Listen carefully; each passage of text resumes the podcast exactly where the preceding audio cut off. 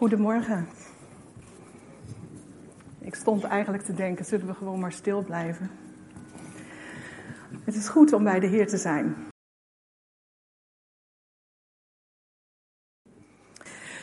Afgelopen week stuurde een collega van mij mij een uh, appje dat ze op de terugweg van Frankfurt naar haar huis was. Ze was daar al een beetje zenuwachtig over, gegaan, hoe dat moest gaan. Van, uh, ja, welke trein moet ik dan instappen? En heb ik wel genoeg overstaptijd? En, uh, en ja hoor, het ging mis. En uh, ze was in de verkeerde trein gestapt. En, maar toen waren er twee mannen die samen zagen dat er iets aan de hand was. Ze gingen naar haar toe en, en, en waarschijnlijk zagen ze haar min of meer paniek. En uh, ze regelde ineens alles. Ze zei van nou, ik, ik moet ook die kant op en dan stap ik met u uit en dan gaan we weer terug. En, en ze is gewoon s'avonds nog voor twaalf uur thuisgekomen. Ik appte haar terug. Wat fijn dat er engelen waren om je te helpen. En dat was niet zomaar een opmerking. Ik uh, geloof echt dat God soms, zonder dat wij het weten, mensen op ons pad brengt, of engelen eigenlijk, naar ons toestuurt. Maar hoe dat uit te leggen, dat weet ik niet. En het zou een aparte studie vragen om daar verder op in te gaan en daar wellicht meer over te ontdekken. Toch denk ik dat velen van ons wel zo'n ervaring kennen. Dat je ineens iemand tegenkomt, dat iemand je helpt of dat iemand ineens iets tegen je zegt. Of dat nu praktische hulp is of, of gewoon een woord wat je ineens aan, uh, aanspreekt of wat je helpt. Vaak zijn er soms van die mensen, engelen, uh, die zonder het te weten, zonder dat je het doorhebt, jou helpen. Laten we het volgende Bijbelgedeelte lezen. Het is Hebreeën 12, vers 28 tot 13, vers 6 komt uit uh, de schrijver van de Hebreeënbrief. Die schrijft nog even wat aansporingen en groeten. En daar staat dan: Laten we dankbaar zijn omdat we een onwankelbaar koninkrijk ontvangen. Zo kunnen we God dienen zoals het Hem behaagt, met eerbied en ontzag. Onze God is een verterend vuur. Houd de onderlinge liefde in stand. En hou de gastvrijheid in ere, want zo hebben sommigen zonder het te weten, engelen ontvangen. Bekommer u om de gevangenen alsof u samen met hen gevangen zat, en om de mishandelde alsof u zelf mishandeld werd. Hou het huwelijk in ere, in alle omstandigheden, en hou het echtelijk bed zuiver. Want ontuchtpregers en echtbrekers zal God veroordelen. Laat uw leven niet beheersen door geldzucht. Neem genoegen met wat u hebt. Hij heeft immers zelf gezegd: Nooit zal ik u afvallen. Nooit zal ik u verlaten. Zodat we vol vertrouwen kunnen zeggen: De Heer is mijn helper. Ik heb niets te vrezen. Wat zouden mensen mij kunnen doen? Zo bijna aan het eind van deze Hebreeënbrief geeft de schrijver dus nog een lijstje. Een, een, een lijstje van aansporingen. Uh, om de dingen die, die echt, die belangrijk zijn, nog even aan ons door te geven. En een lijstje denk ik ook voor ons dankbaar zijn dat we een onwankelbaar koninkrijk hebben ontvangen, waardoor we God kunnen dienen met eerbied en ontzag. Houd de onderlinge liefde in stand en houd de gastvrijheid in ere. Hou het huwelijk in ere en laat je niet beheersen door geldzucht. En vandaag richten we ons wat meer op die ene aansporing. Hou de onderlinge liefde in stand en hou de gastvrijheid in ere. Want zo hebben sommigen, zonder het te weten, engelen ontvangen. Wat houdt die gastvrijheid in? Ik denk dat we daar allemaal wel een beeld bij hebben. En mijn beeld over gastvrijheid is vooral gevormd door mijn opvoeding. Door wat mijn grootouders en mijn ouders deden. En door mensen die aan mij gastvrijheid verleenden. Terwijl ik bezig was met deze preek, herinnerde ik me de vele mensen bij, die bij ons in ons huis een thuis vonden. Een zoon van een collega van mijn vader die een tijdje bij ons woonde, zodat zijn ouders even rust konden hebben. Ik snap wel dat dat dus uh, niet zo'n hele rustige jongen was. Um, veel van mijn collega's en vrienden uh, hebben bij ons in huis gelogeerd, soms hele gezinnen. In een nou ja, redelijk klein huisje. Als er dan een gezin kwam met uh, vier kinderen, dat was wel even schuiven. Toen er op het werk van mijn vader Turkse arbeiders kwamen, werden ze bij ons welkom geheten. Want ja, met de feestdagen moest je toch wel een gezelligheid hebben en niet met z'n allen in een grote slaapkamer of een slaapzaal zitten. Of ze kwamen gewoon voor een bakje bij ons thuis. Mijn ouders deelden ook hun tijd door vrijwilligerswerk te doen. Ze deelden wat ze hadden. En ik vond die gastvrijheid dus ook bij mensen die hun hart, hun huis en wat zij hadden met mij deelden. Ik vond ook gastvrijheid tijdens de reizen die ik maakte voor mijn werk. Zelfs, of misschien wel het meest, in kleine huizen of in een groep bij elkaar. Als we s'avonds onder een prachtige sterrenhemel bij elkaar zaten rondom een vuurtje en met elkaar de dingen deelden die ons bezig hielden. In een taal die ik soms ook niet verstond, maar we begrepen elkaar en de dingen die we hadden met elkaar deden, uh, deelden. Tijdens een van die reizen kocht ik op de markt in Tamale in Ghana deze wandversiering. En de wandversiering, ik, was, ik had net mijn eigen huis betrokken. En het zegt, my house. My house is small, no mansion for a millionaire. But there's room for love and there's room for friends. That's all I care. Mijn huis. Mijn huis is klein. Geen villa voor een miljonair. Maar er is ruimte voor liefde en er is ruimte voor vrienden. Wat wil ik nog meer? Die zijn klein en groot natuurlijk uh, begrippen die soms verschillend zijn, maar het gaat erom dat er uh, in ons huis, in ons thuis, in mijn huis, ruimte is voor vrienden en voor gastvrijheid. Het sprak mij aan, vandaar dat ik het ook kocht. Onderlinge liefde en gastvrijheid, zoals de Hebreeën schrijver het zegt, horen bij elkaar. Gastvrijheid was ook een kenmerk van de vroege kerk. De eerste christenen stonden bekend om hun liefde voor de vreemdeling en bereidheid om gastvrijheid te tonen. En in dit verband wordt ook wel die tekst uit Matthäus genoemd, waar Jezus zegt: Ik was een vreemdeling en jullie namen me op. De vroege christenen zagen Jezus in de vreemdelingen die op hun pad kwamen en ze zorgden voor hen. Dat vind ik een bijzonder iets. Dat Jezus naar ons toe komt in de ander. Dat je, de ander, dat je Jezus in de ander kan zien. Gerald Troost zingt het in een lied. Ik zie goud in jou. Ik zie God in jou. Dat betekent eigenlijk dat we daar wel alert op moeten zijn. Dat Jezus zomaar in iemand naar ons toe kan komen. Vele van de mensen die Jezus hoorden kenden ook de opdracht vanuit het Oude Testament om de vreemdelingen welkom te heten, hen in huis te nemen. Met die opdracht werden ze ook herinnerd aan de tijd dat ze zelf in uh, Egypte in de vreemde woonden. En dan in het begin van de Bijbel lezen we over Abraham.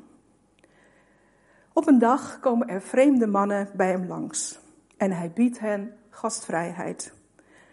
Abraham laat hen alles voorzetten wat hij te bieden heeft. En wat leren we dan van deze geschiedenis? Abraham zit bij de ingang van zijn tent alsof hij vreemdelingen verwachtte.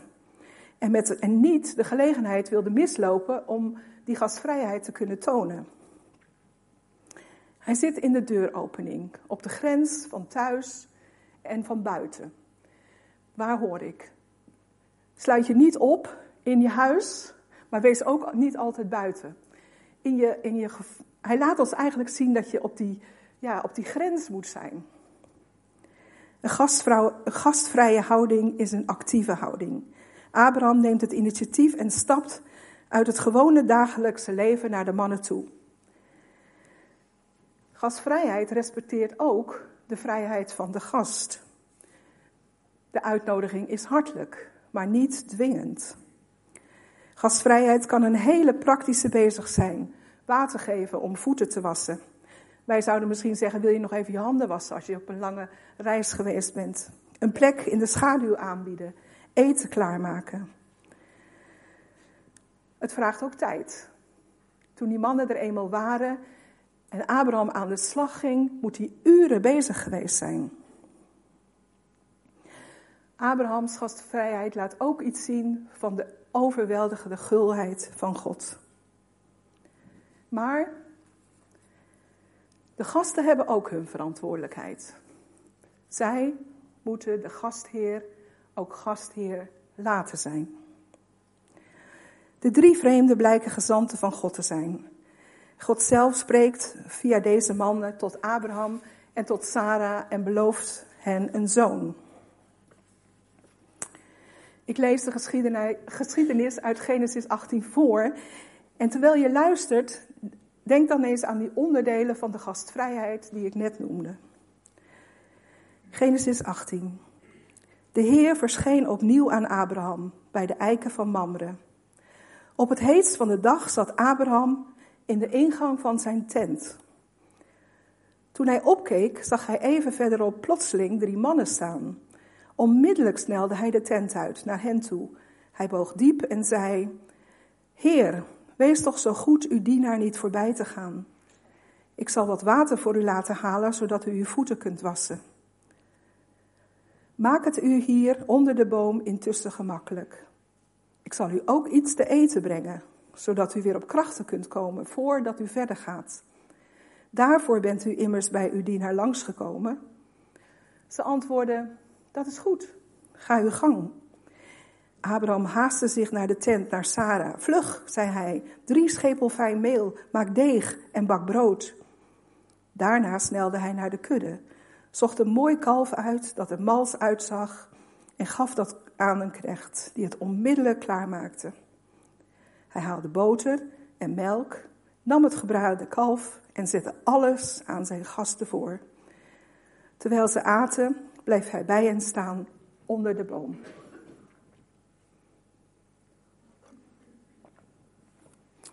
Zag, hoorde je in gedachten die, um, die haast.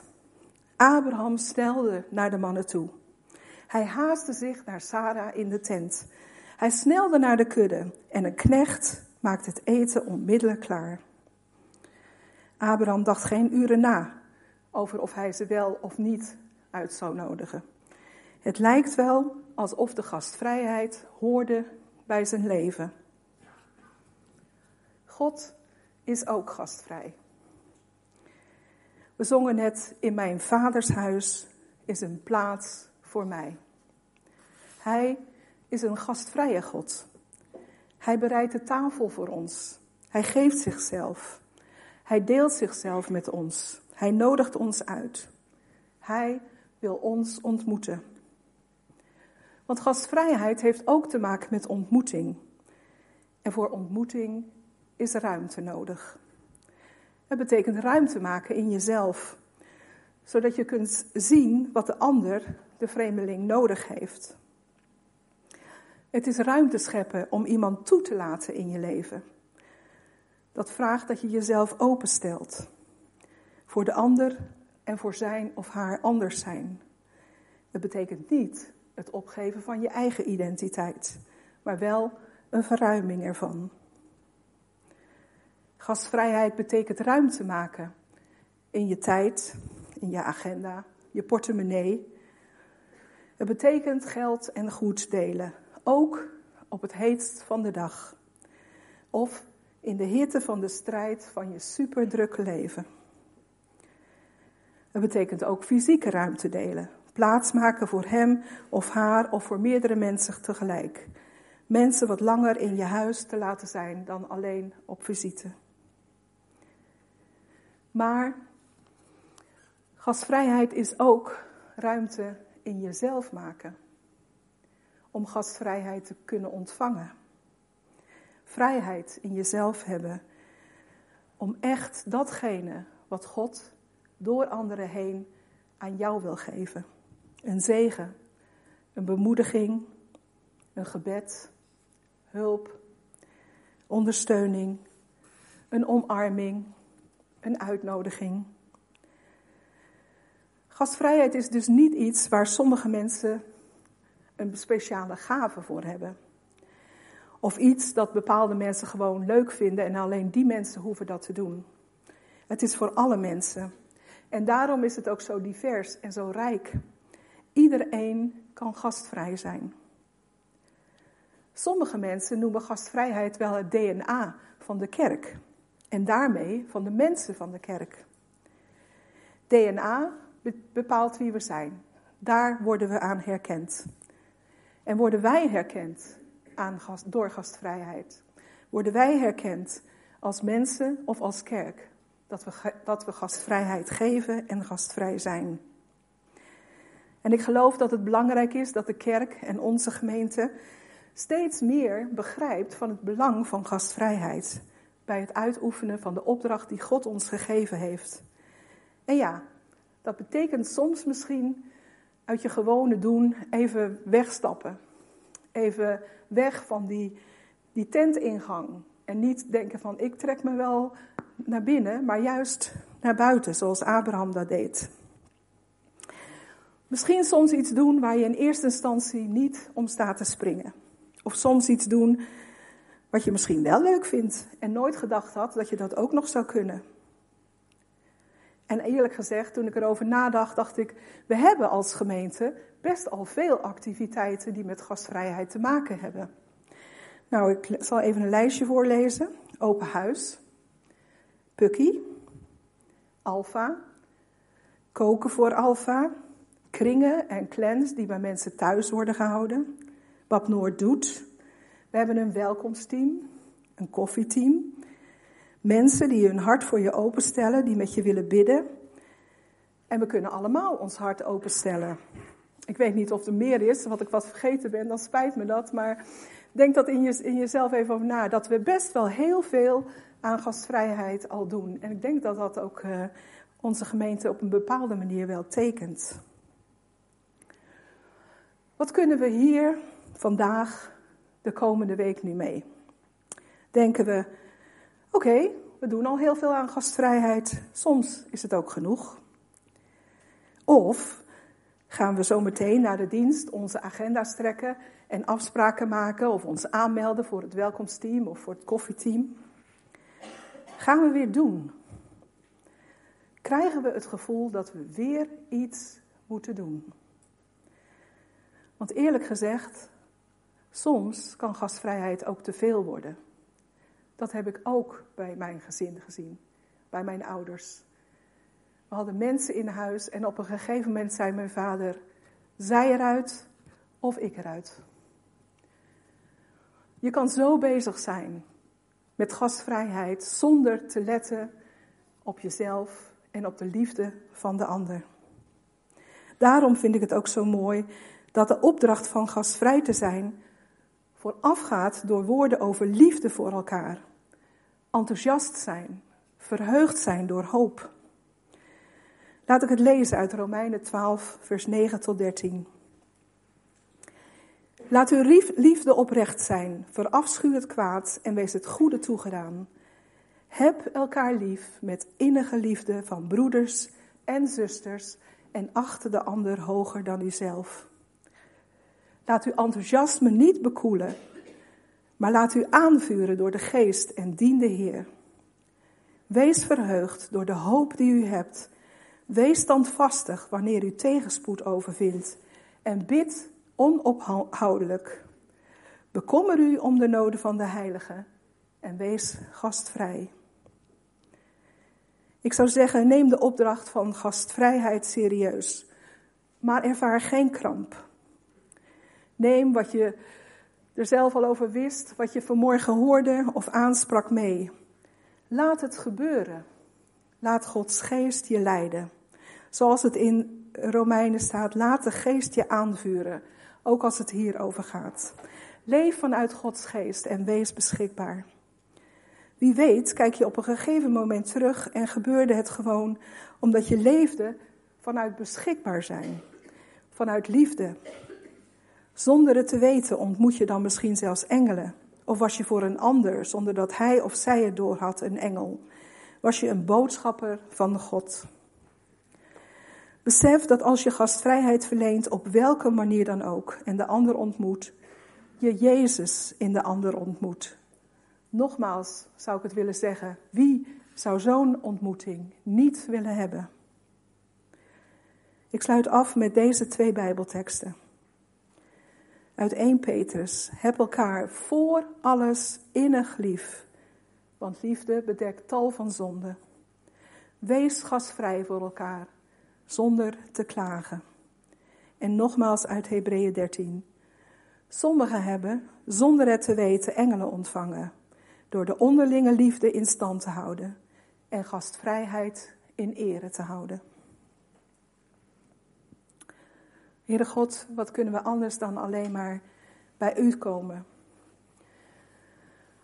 We danken u wel dat ja, u woorden geeft in uw woord aan ons. Dat u ons laat zien wat we kunnen doen, wat we mogen doen. Maar ik wil u bidden, Heere God, dat u ons allemaal wil helpen. Maar als we nadenken over de taak die u voor ons heeft, voor ieder persoonlijk.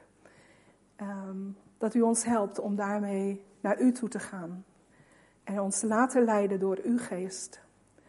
Dat de geest ons aanvuurt tot wat we ook voor u mogen doen en voor elkaar mogen betekenen. Wilt u ons helpen om die woorden van innig elkaar liefhebben, om die serieus te nemen en van daaruit ook gastvrijheid naar elkaar toe te tonen. Heer, zo dragen we elkaar aan u op en bidden.